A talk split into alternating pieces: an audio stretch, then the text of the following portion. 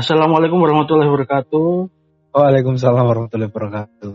Wah, sekarang ketemu lagi bersama Mas Yudi, ya Halo, halo, halo, halo. dari podcast Angkringan Talk. Iya, Siap, siap. Dan Mas Yogo dari Mata Merah. iya, siap. Nah. Nah, kita kan kemarin kemarin tuh kita ngobrol apa ya? Air keras. Oh iya, air keras. Oh iya, Oke. kemarin kita udah ngobrol air keras ya. Sampai lupa. Ya. nah, yang belum tahu ininya bisa langsung ke podcastnya Mas Yudi. Siap, siap, siap.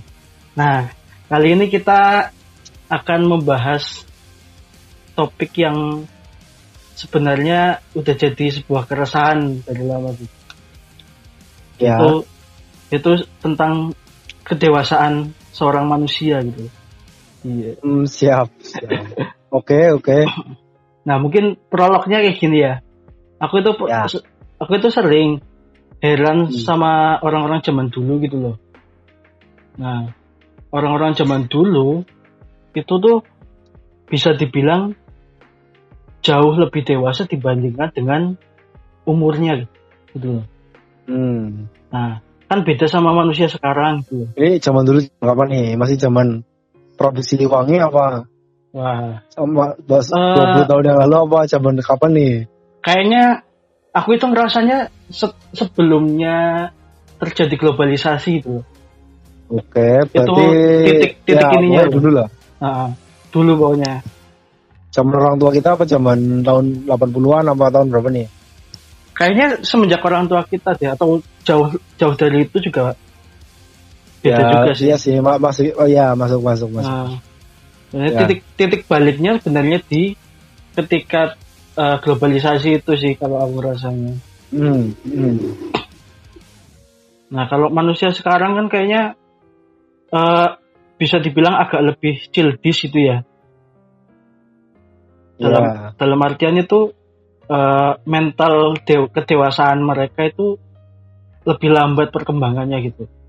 Hmm, hmm. Nah, sebagai contoh, itu kan eh, kita mengenal kalau dari Sirah Nabawi gitu ya, dari Ya. Sirah itu kan eh, kayak apa Anas bin Malik itu kan ya. eh, jadi asistennya Rasul itu sejak umur 10 tahun gitu. Hmm. Makanya kan sering banget kalau kita lihat di hadis kan sering dari Anas bin Hmm. Malik, terus dari Aisyah gitu, sebagainya kan. Karena dia sejak kecil emang udah bareng sama Rasulullah gitu kan. Ya. Terus ada Imam Bukhari. Imam Hmm. Bukhari itu bikin kitab pertama itu umurnya 18 tahun. Ya. Nah, terus ada yang terkenal itu Salahuddin Al-Ayyubi. Hmm. Nah, pembebasan ini kan Konstantinopel Muhammad Al-Fatih itu uh, Muhammad Al-Fatih itu 21 kan tahun. 21 tahun kan 21 tahun udah membebaskan Konstantinopel. Nah, Ali bin Abi Thalib itu masih umur belasan kan. iya Belasan tahun dia udah ikut perang. iya udah ikut perang kan terus ada ini Imam Syafi'i Imam Syafi'i itu Hmm. umur 15 tahun udah jadi mufti Ya, ya. Nah, kalau di Indonesia kita kenal ini di Jogja ya ada Sultan Hamengkubuwono ke-9 Ya. itu jadi raja itu umur 28 tahun Itu udah Yo seumuran ah, aku 27 ding. 27 Aku setahun satu, lagi. setahun lagi jadi raja loh Mas Terjo. Diraja. Oke, oke. oke. Nah, nah kalau kita lihat di Jepang Hmm. itu pernah pernah ini nggak mas apa tahu na- yang namanya Shinsengumi gitu. Vincent Gumi taunya yang di Samurai X. Nah Itu yang apa kayak pasukan ini apa ya? pasukan ini kaisar kan gitulah. ah, kayak Suruhannya kayak kaisar. polisi kayak polisinya Iya, kan kayak ya. polisinya lah, kayak suruhannya kayak bawaan kaisar samurai. Nah itu kan ada yang namanya Okita Soji. Nah, Nah itu kan dia umur 19 tahun udah jadi kapten timnya. ah, itu Hmm. apa? Eh, ngomongin ini samurai kan settingnya apa berdasarkan kisah nyata ya. Ah, Itu Ken yang tokoh utamanya tuh kan ya, Sam si Kenshin itunya. Genshin. ah. Imura Kenshinnya itu kan mulai jadi pendekar pedang umur 15 tahun. Nah, itu kan. Itu kan setting cerita awalnya samurai kan 10 tahun setelah dia pensiun udah umur 25 apa 26 lah. Hmm. Udah ketu agak agak tua kan. Udah pas agak kan dia pas muda-mudanya tuh kan jadi pembantai jadi patosanya itu kan Mm-mm. umur 20 15 tahun. 15, iya. ha. Makanya, nah dari contoh-contoh itu itu kita, aku tuh ngerasa, wah, Eh, kok ntar dulu, ntar dulu. oh, Informasi ya. lanjut ini. Dulu Oh. nama Facebookku Yudi Batosai. Waduh. itu kiri batosai. Lagi sukanya aku sama ini. Dulu nama Facebookku Yudi Batosai loh. Ini informa- ini informasi ya. Informasi penting ini. Nama Facebookku dulu Yudi Batosai. Astaga. Tapi udah diganti sekarang. Udah pernah sampai awal masuk kuliah. Awal masuk kuliah tuh masih diceng-cengin. Sampai sekarang masih banyak yang ngeceng-cengin aku. Ini Yudi mana Yudi Batosai anjir. Itu nama Facebook dulu namanya Yudi Batosai. Ah, Keren banget kan. Saya mulai Yudi Batosai. astaga. Oke, oke lanjut lanjut Oke, lanjut. Nah, dari dari contoh-contoh tersebut kan kita juga bisa apa? menilai gitu loh, apa? Oh, Orang-orang zaman dulu itu jauh lebih dewasa dibandingkan umurnya gitu. dibandingkan kita sekarang gitu loh. Kita sekarang Iya, umur iya. Umur berapa Mas? 27 ya, 27. Kamu berapa? 24. Aku dua- berapa sih, Kul? 23 23? ya. 23, oke. 23 itu kok kayak ngerasanya kayak nggak punya tujuan hidup gitu. Aduh, duh, duh, duh, duh, duh. Maksudnya masih terombang ambing. Kita belum menjadi Oh. seorang yang berpengaruh gitu loh maksudnya. Nah, menurut Ini ngomongin kayak gini nih sebenarnya udah pernah aku bahas ya sama Galih dulu. oh yang Ini, ini, episodenya dulu quarter life, life crisis. Nah, Heeh.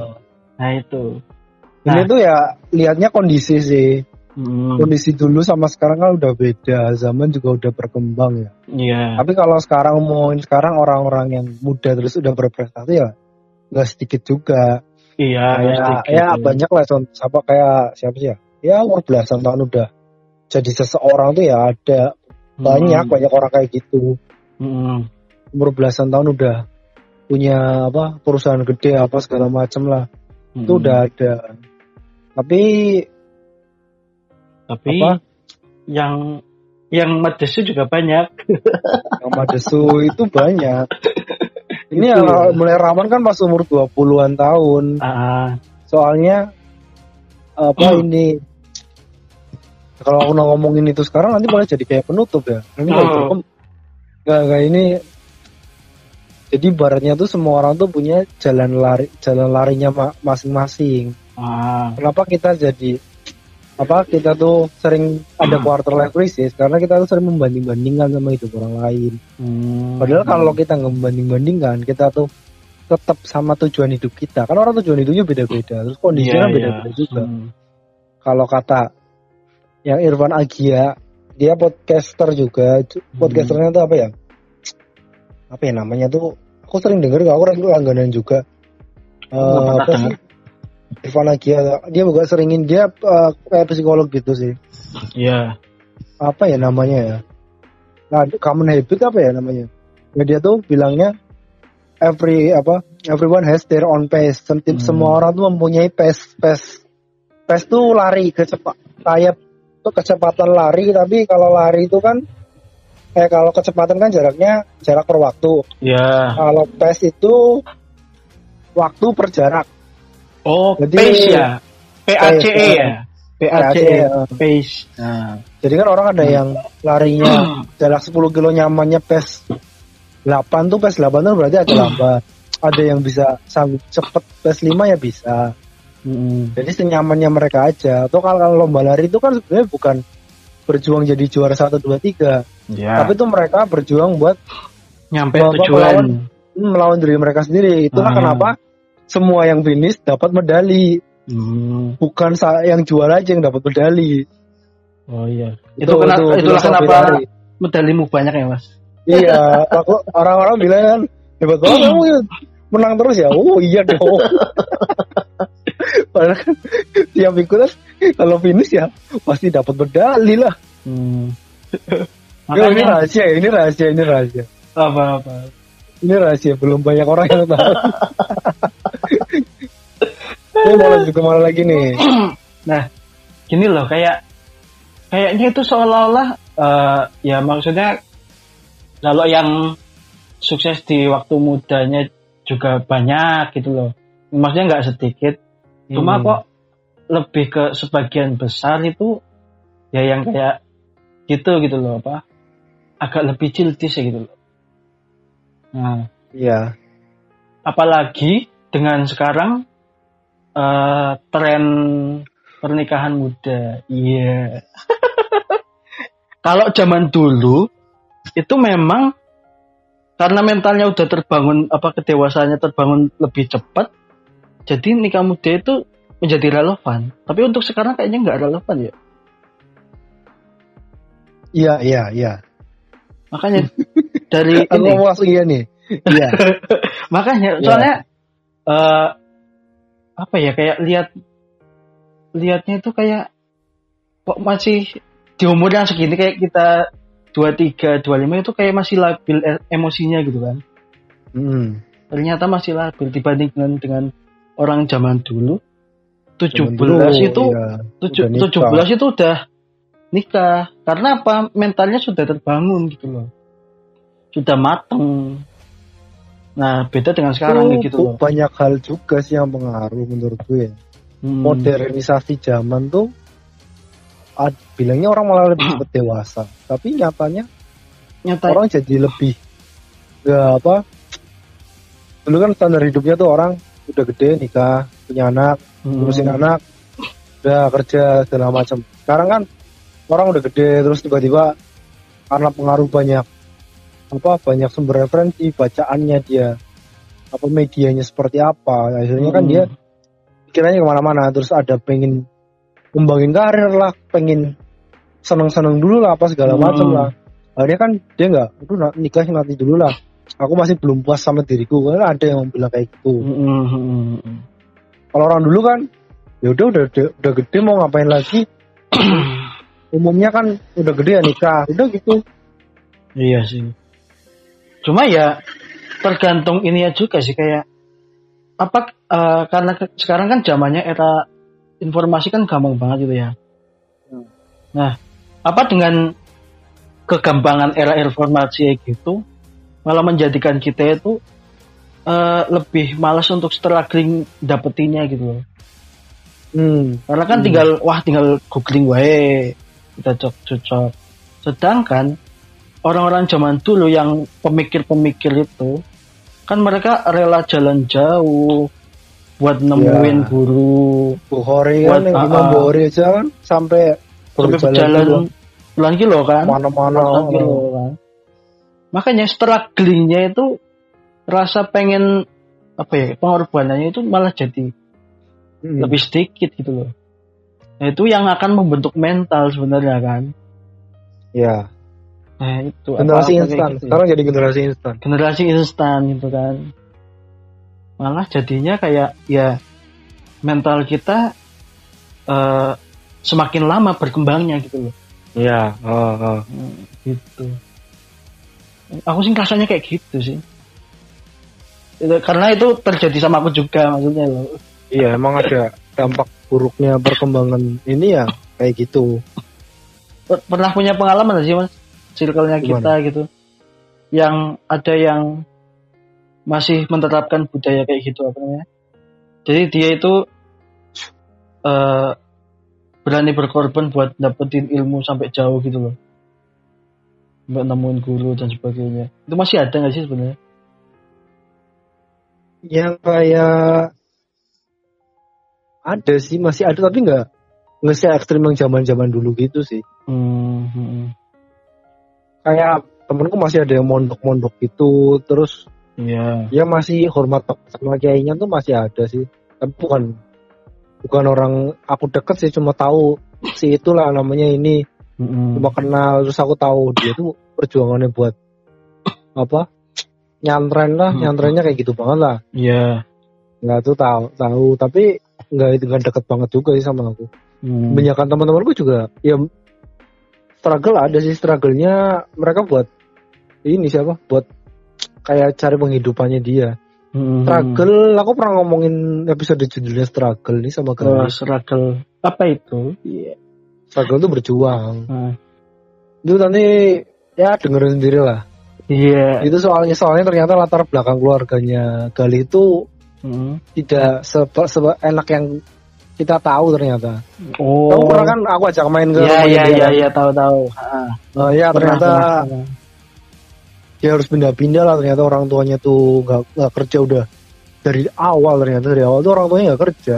Hmm. Jadi yang jadi tulang punggungnya tuh Mas Gali. tulang punggung keluarganya tuh kakaknya sama si Gali ini Oh. eh, si Galinya tuh si Gali tuh sama kayaknya belum ada kepikiran buat menikah.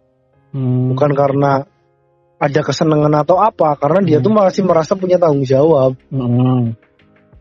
Tapi emang dari Dari situ jauh. itu aku lihat kayak Mas Gali itu ya Hmm. dia emang tipe pekerja keras gitu kan. Iya, dia mau orangnya bekerja keras. Ah, makanya mentalnya itu dibangun dari itu gitu loh. Hmm. Emang karena hidup, karena kondisi keluarganya seperti itu, Hmm. Iya. dia tuh pernah interview sampai sehari itu dua apa tiga tiga kali katanya tuh demi apa demi pengennya banget dapat kerjaan. Mm-mm. Sementara Iya. aku masih lihat teman-temanku yang di kosan kosanku yang lama itu Mm-mm. dapat panggilan interview tuh sampai nggak pernah berangkat kayaknya males ah harus berangkat ke Jakarta mending di Jogja aja kalau di Jogja baru mau tuh masih ada tuh banyak temanku yang masih Mm-mm. yang mereka juga sampai sekarang masih belum dapat kerja masih ada Mm-mm. gara-gara mereka tuh masih ke bawah santai-santai aja Mm. ya Iya. ada ada yang rajin ada yang ada yang apa malas-malas kayak itu juga banyak Iya sih. Hmm. Nah, kalau kita ngomongin ini apa? Kayak tadi kan ada teman Mas yang masih mondok dan itu kan. ya Nah, itu juga termasuk salah satunya eh, membangun adab gitu kan. ya Nah. hmm.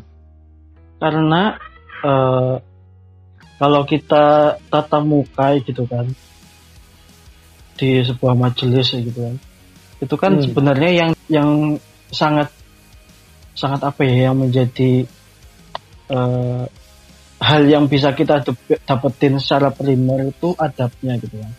Ya Nah. kan lebih dulu adab daripada ilmu Adab sebelum ilmu kan. adab sebelum ilmu Nah, sekarang kan lagi zamannya ini kuliah online.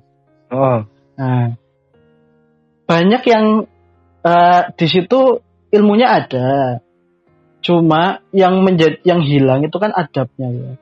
oke Ya kan? ya. Karena apa? Banyak kita temuin kayak apa on, apa kuliah online di Zoom, terus ininya backgroundnya diganti, terus dianya tidur gitu kan. Hmm. Itu kan banyak banget yang kayak Iya, gitu iya, kan. iya. gitu. Nah, dengan segala uh, kemudahan informasi, teknologi itu malah ya semakin mendegradasi dari mental itu sendiri. Yaitu yang pertama Iya. adab gitu kan. Itu kan sebenarnya adab itu pondasi utama kan. Walaupun ilmunya seberapa gede, tapi kalau adabnya nggak ada kan ya sama aja kita nggak respect sama orangnya gitu kan. Hmm. Gitu sih. Ya, Itu juga apa sih? Ya sisi positif negatifnya ya dari sebuah teknologi. Iya. Ya bener sih jadi orang jadi nyepelein kayak gitu ya. Hmm.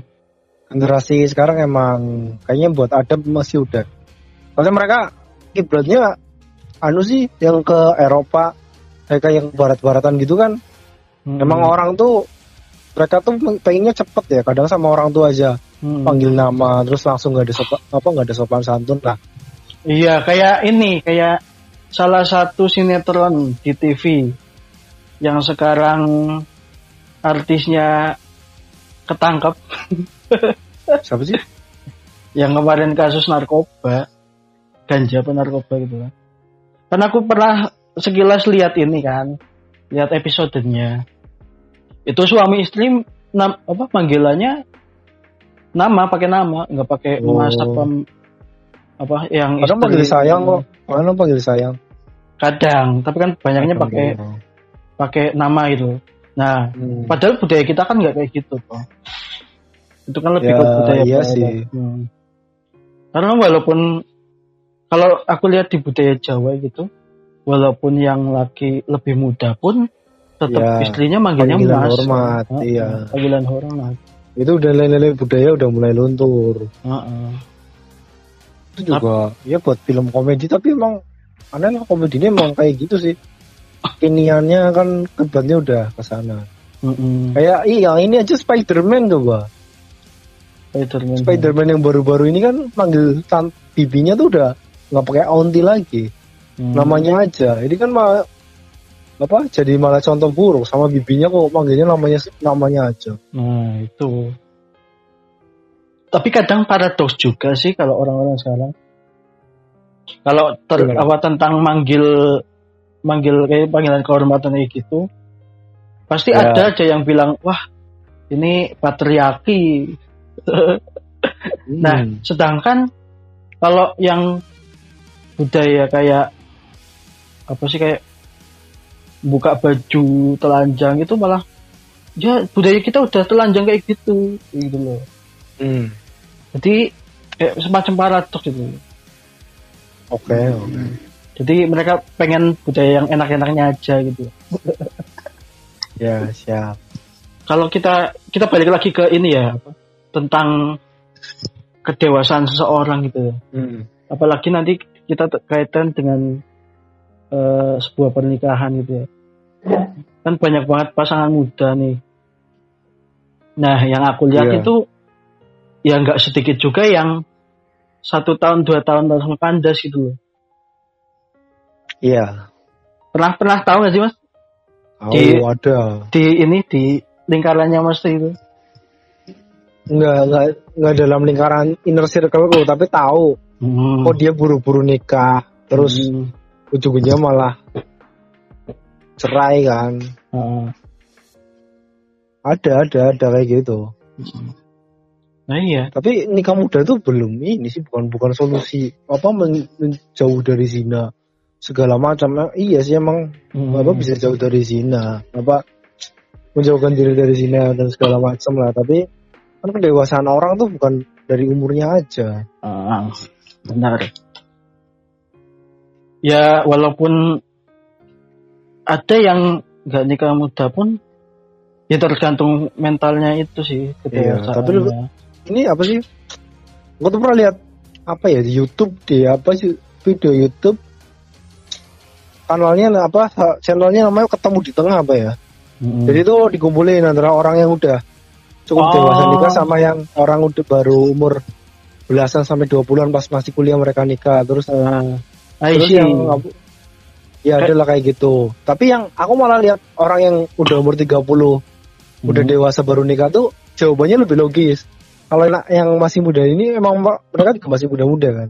Hmm. Jawabannya tuh kayak ya belum belum matang lah kayak ya mau gimana biar ini aja berarti menjauhi zina biar gak kelamaan. Iya, iya. Sementara mereka belum siap Heeh. apa na- in- apa pendidikan finansialnya belum cukup nanti Hmm. apa nanti kalau punya anak gimana nanti punya ru caranya punya rumah gimana mereka tuh belum tahu Mm-mm. malah jadi ujungnya jadi beban orang tuanya lagi Iya.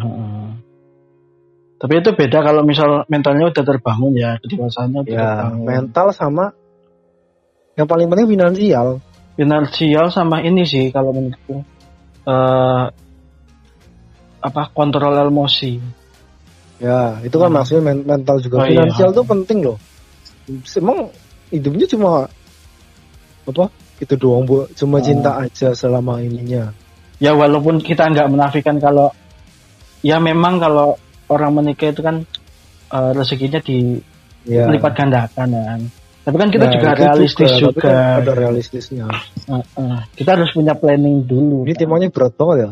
Ini temanya berat banget. Hmm. ya karena mau menyangkut kedewasaan kita Iya. Iya. Ini topik dewasa tuh sekarang bukan video dewasa loh sekarang sekarang ini, tapi pendidikan finansial. Heeh. tapi ini, aku ini masalah-masalah dewasa. tapi Pendidikan aku tahu finansial. juga ya mas ada yang ya walaupun umurnya udah tua, kalau dari segi umur udah tua, tapi emosionalnya itu masih masih Ah. childish juga ada gitu loh. tingkat kedewasaan seseorang itu bukan dari umur kok Makanya, jadi sebenarnya yang penting dalam itu kan eh ya tingkat kedewasaan itu. Heeh.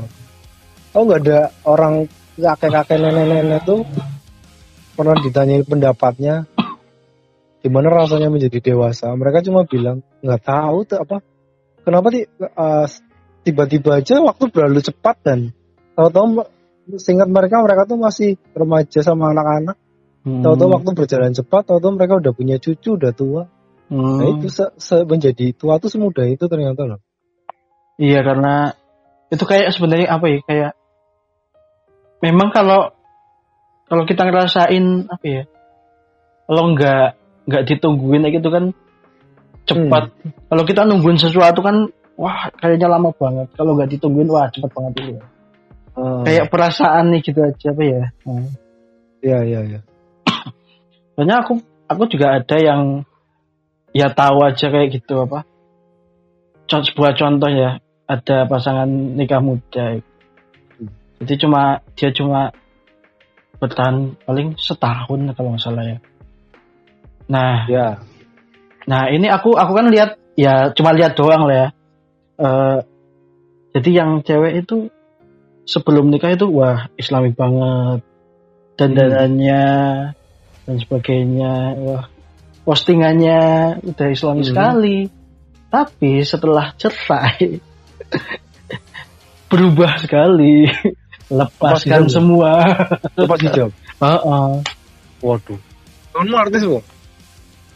Eh, bukan lah Oh, Cuma- yang artis itu yang dulu. oh iya siapa ada tuh ya yang Taki ada Malik ya. itu? Heeh. Ah, yang anaknya pengacara siapa? ya? nah iya Ah, iya iya. itu Ya, itu kan gitu juga ceritanya. termasuknya kan Ya. walaupun Iya. walaupun apa yang salah satu ya, suaminya Hafiz sekalipun Hmm. kalau istrinya tetepan kayak gitu apa apa namanya Eh, Hmm. perkembangan mentalnya itu kayak dipaksakan gitu loh kan Ya tuh ternyata selama ini kayak dikurung ternyata. Bukan. Aku nggak bilang dia berubah setelah kenal setelah nikah kayaknya aku nggak bilang dia berubah loh. hmm. Tapi asli aslinya baru ketahuan ternyata setelah nikah. Tuh kayaknya benernya kayak gitu. Jadi selama Hmm. itu dia dia menahan dirinya. oh Jadi belum ada panggilan langsung dia tuh ikut ngaji ikut apa-apa tapi nggak nggak ada yang masuk. Dia cuma makanya dipaksain aja. makanya itu kan kayak kayak dipaksain kan jadinya Hmm, jadinya men- mental sendiri kan iya. Nah, kalau di Islam itu ada yang namanya se pernikahan itu eh, dia dianjurkan sekufu. Sekufu itu dalam artian eh, kalau kalau misalnya orang hafiz itu ya seenggaknya eh, apa namanya pasangannya juga hafiz gitu loh. Karena apa? Terus yang nggak yang rusak sama yang rusak juga. Ya Iya. bisa jadi gitu kan, karena kan Iya. jodoh meru- meru- merupakan cerminan kita gitu Oh, kan. Sebenarnya Nah. sebenarnya ide ide kayak gitu malah bener loh. Heeh, soalnya apa? Kalau Hafiz ketemu Hafiz, itu mereka udah paham kebiasaannya gitu. Karena kan seorang Hafiz itu ini ya, eh, seorang Hafiz itu untuk menjaga hafalannya itu minimal satu hari itu lima jam.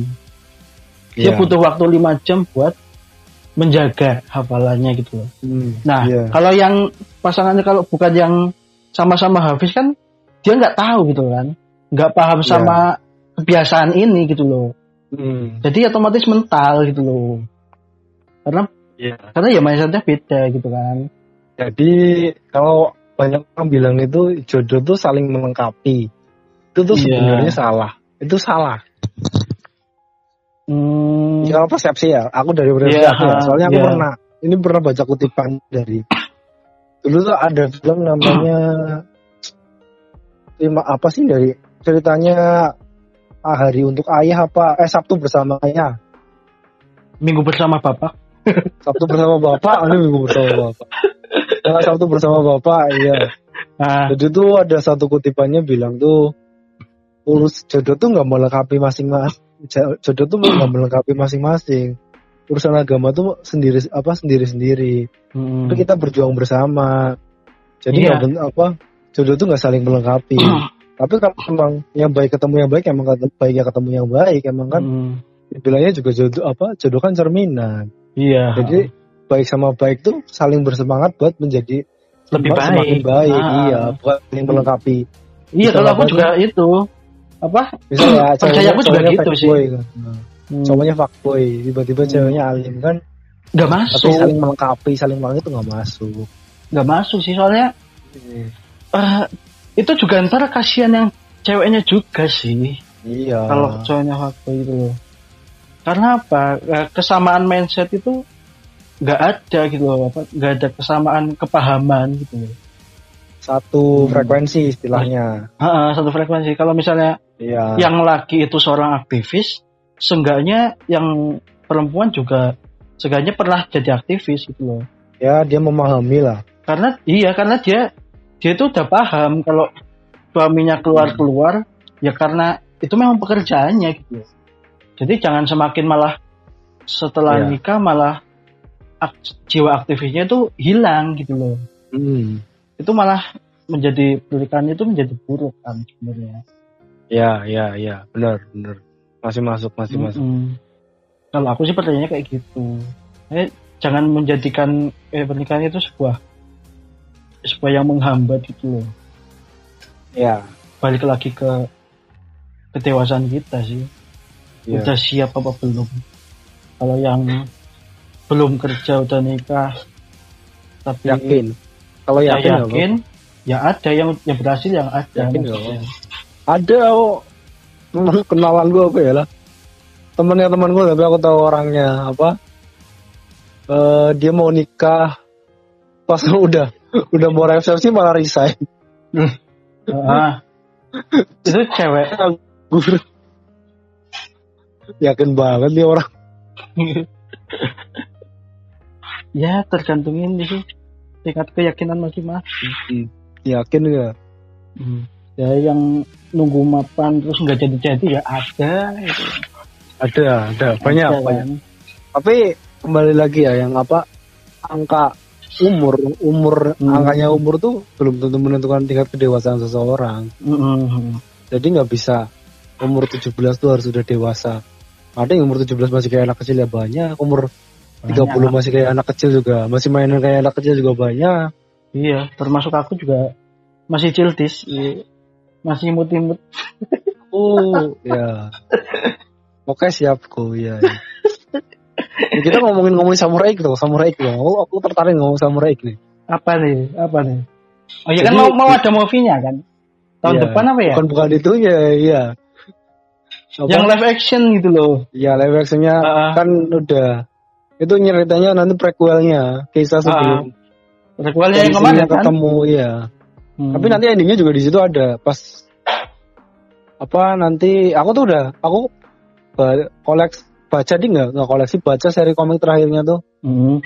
Jadi nanti akhirnya dia nikah sama yang punya dojo itu Kauri. Kauri. oh iya yang ya, yang sering sama dia? Eh, terus pedangnya tuh dikasih ke anak kecil yang sering ikut sama dia tuh.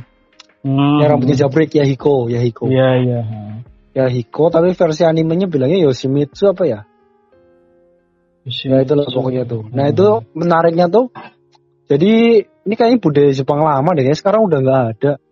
ya, Jadi kan, orang Jepang tuh kalau umurnya udah 15 itu ada namanya genpuku.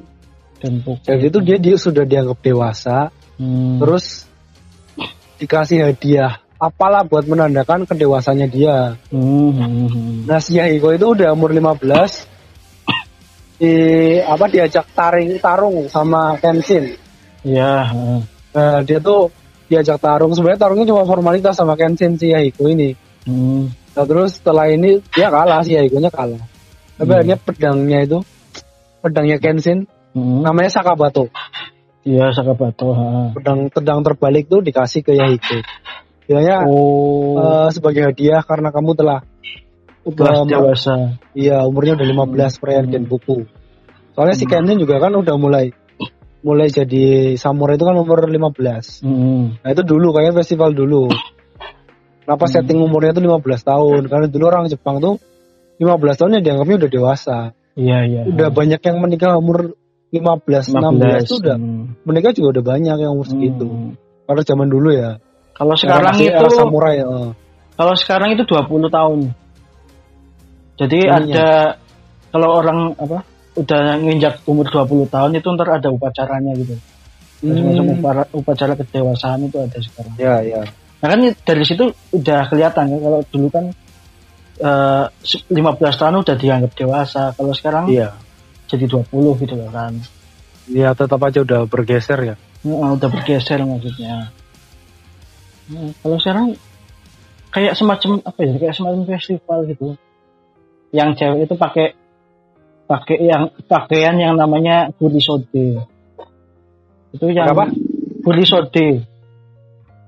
Kayak kimono gitu. Kayak kimono, tapi yang bagian lengannya itu panjang ke bawah gitu. Uh, kayak ritual-ritual gitu ya.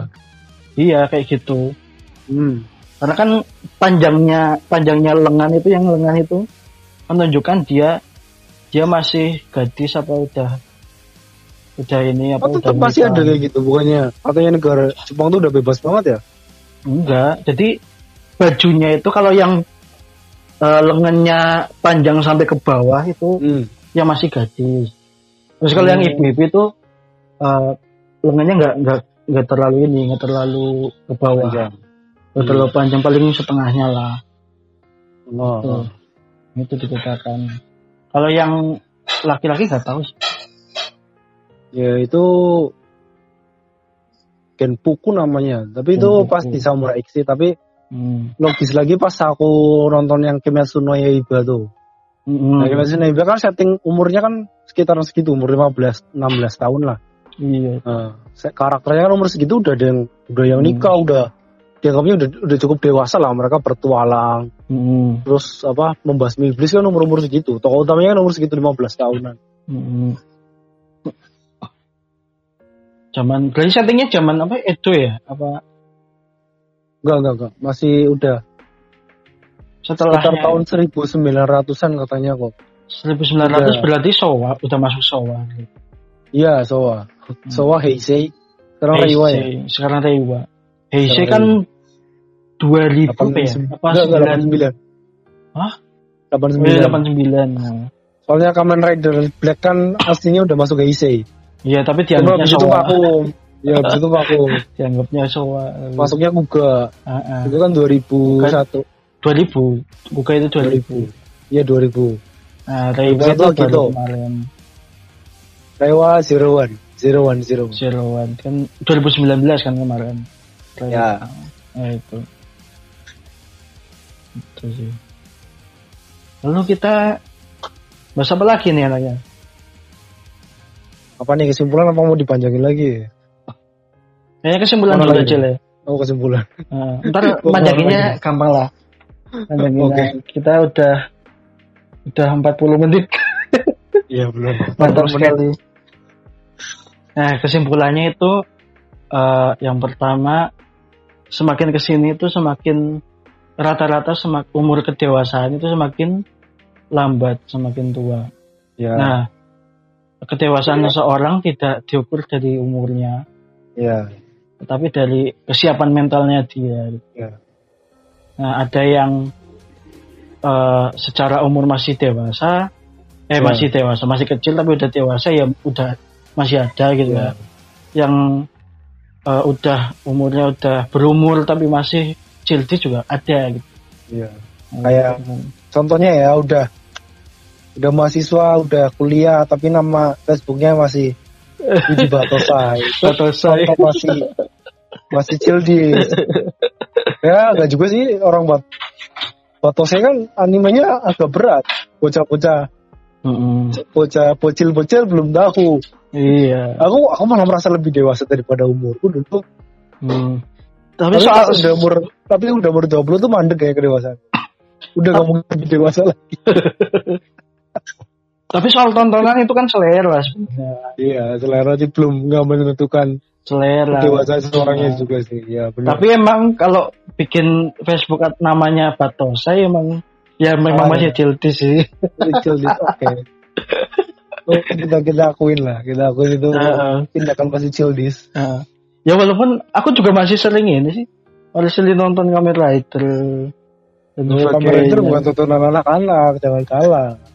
Iya. Kamen. Rider anak-anak di anime yang bukan.